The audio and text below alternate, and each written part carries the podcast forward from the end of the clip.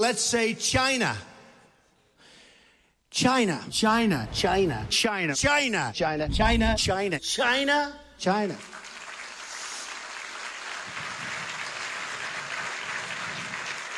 You go over to China. China. China. China. China. China. China. China. China. China. China. You take China. China. China.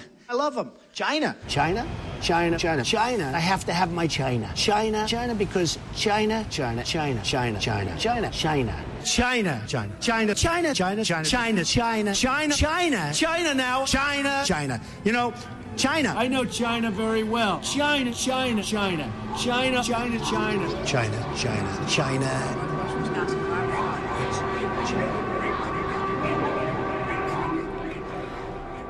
Ljudska republika Kitajska vse bolj postaja svetovna velesila, zaradi česar se odnosi med njo in Združenimi državami Amerike, svetovnim hegemonom, ki se mu čas počasi izteka, vse bolj zaostrujejo.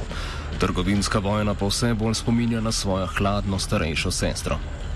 Gospodarski in diplomatski spori seveda ne morejo brez propagandne medijske mašinerije.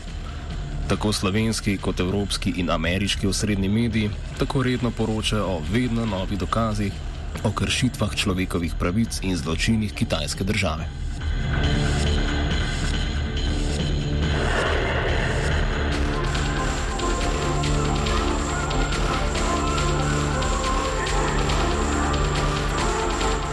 Seveda je največji del teh poročil nedvomno faktično pravilen in Kitajska republika nikakor ni upravičena do kakšnih posebnih simpatij.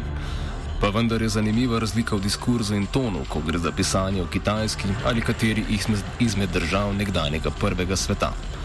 Diskurs hladne vojne in strašenja z rumeno nevarnostjo je še kako živ, prav tako pa tudi mnoge institucije specializirane za širjenje tega diskurza.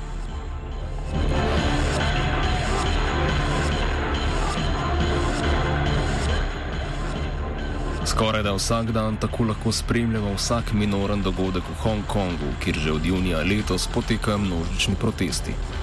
Protestniki so se na ulice podali zaradi povsem racionalnega sporazuma med Hongkongom in Kitajsko o izročanju osumljencev kaznjivih dejanj. Predlog sporazuma, ki ga je Hongkong istočasno sklenil tudi s trnom v peti celinske Kitajske, Tajvanom, so hongkonške oblasti sicer že umaknile. To pa ni pomirilo protestirajočih, ki zahtevajo preiskavo o domnevni brutalnosti policije in amnestijo za zaprte protestnike.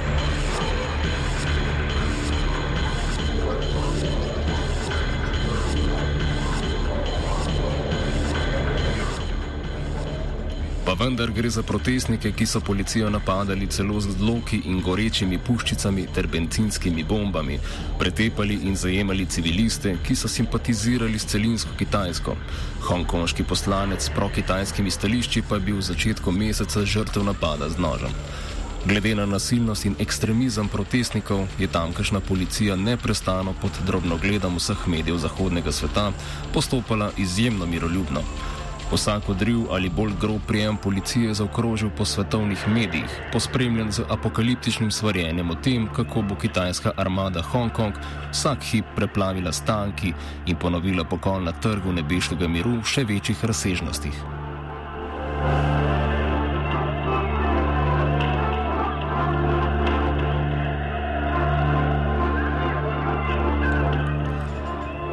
Seveda se ni zgodilo nič takega.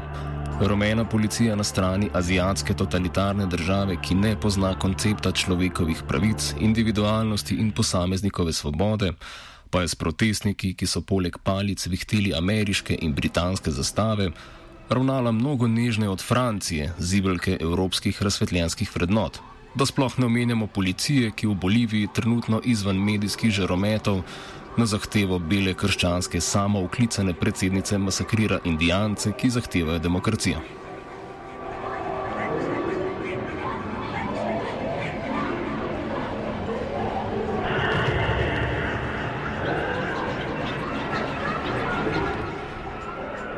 Napad na Kitajsko, ki je še mnogo resnejši od dogajanja v Hongkongu, pa predstavljajo poročila o preuzgojnih taboriščih v avtonomni regiji Xinjiang, v katerih naj bi kitajska vlada množično zapirala Ujgure, muslimansko etnično manjšino.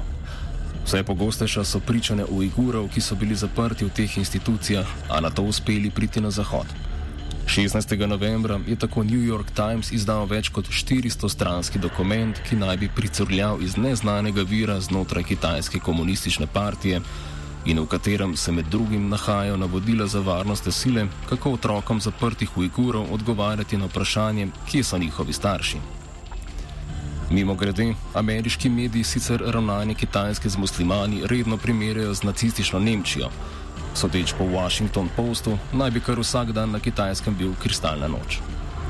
Včeraj pa je še mednarodni konzorcij raziskovalnega novinarstva objavil šest dokumentov, ki naj bi dokazovali obstoj in naravo taborišča v Xiangkangu.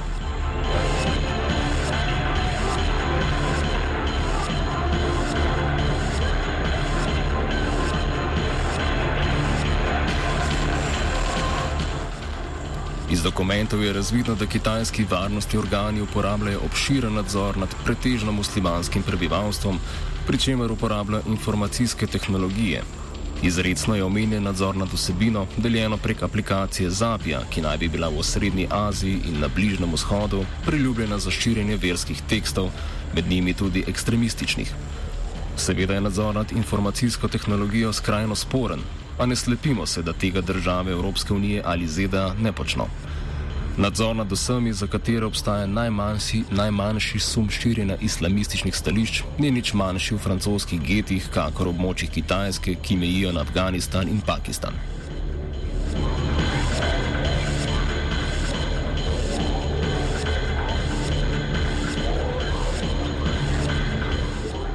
Tako kakor države Evropske unije je Kitajska nadzor nad muslimanskimi prebivalci zaostrila po množici terorističnih napadov, ki so jih izvedli radikalizirani pripadniki ujgurske etnične manjšine.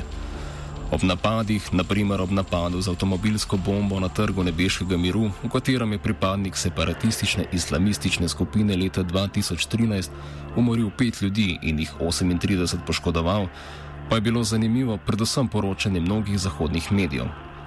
Isti mediji, ki rutinsko napadajo palestinski osvobodilni boj, so teroristični napad relativizirali in opisali kakor dejanje z obupa, ki so ga kitajske oblasti z odnosom do sinkjanskih separatističnih tendenc zakuhale same.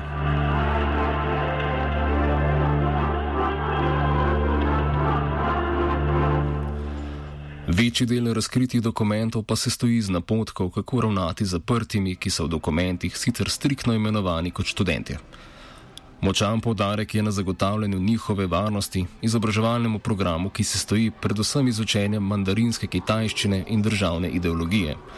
V tekstih so napotki, da naj preiskovalci skrbno zbirajo evidenco o osumljencih in jo pravilno predajo sodiščem, kar ni popolnoma skladno z naracijo o protipravnem zapiranju. Z tega vidika je sploh zanimiv tudi sodni zapisnik postopka, v katerem je bil zaradi ekstremizma na desetletno zaporno kazen obsojen Ur Ujgur, ki je pozival k prenehanju gledanja pornografije in preklinjanja, pitja in kajenja ter k diskriminaciji nevernih pripadnikov etnične večine Han. Desetletna zaporna kazen za pridigo proti pornografiji in alkoholu se nikakor ne zdi nepravična.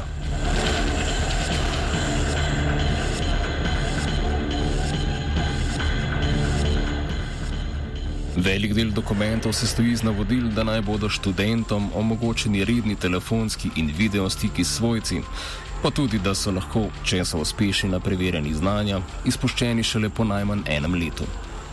Ta podatek je nekoliko nenavaden, glede na to, da je francoski časnik Le Monde včeraj poročal o nekem Ujguru, ki naj bi bil v taborišču zaprt dvakrat, vsakeč za 30 dni, menda zgolj zato, ker si je naložil aplikacijo Zabija.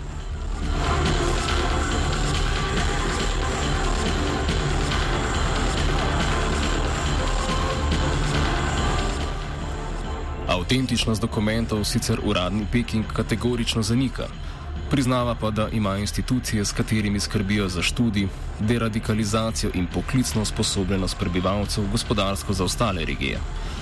Kljub temu, da so najverjetneje teksti avtentični, pa je skrajno nenavadno, da se mednarodni konzorcij raziskovalnega novinarstva zadovoljil z mnenjem o avtentičnosti, ki sta ga podali spominska fundacija žrtev komunizma.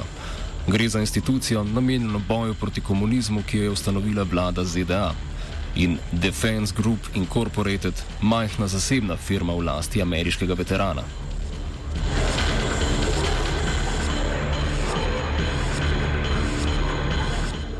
Moralni problem je torej v tem, da Kitajska človekove pravice grobo krši s tem, da radikalne islamiste prevzgaja, namesto da bi jih, kako razsvetljenski zahod, bombardirala z brezpilotnimi letali.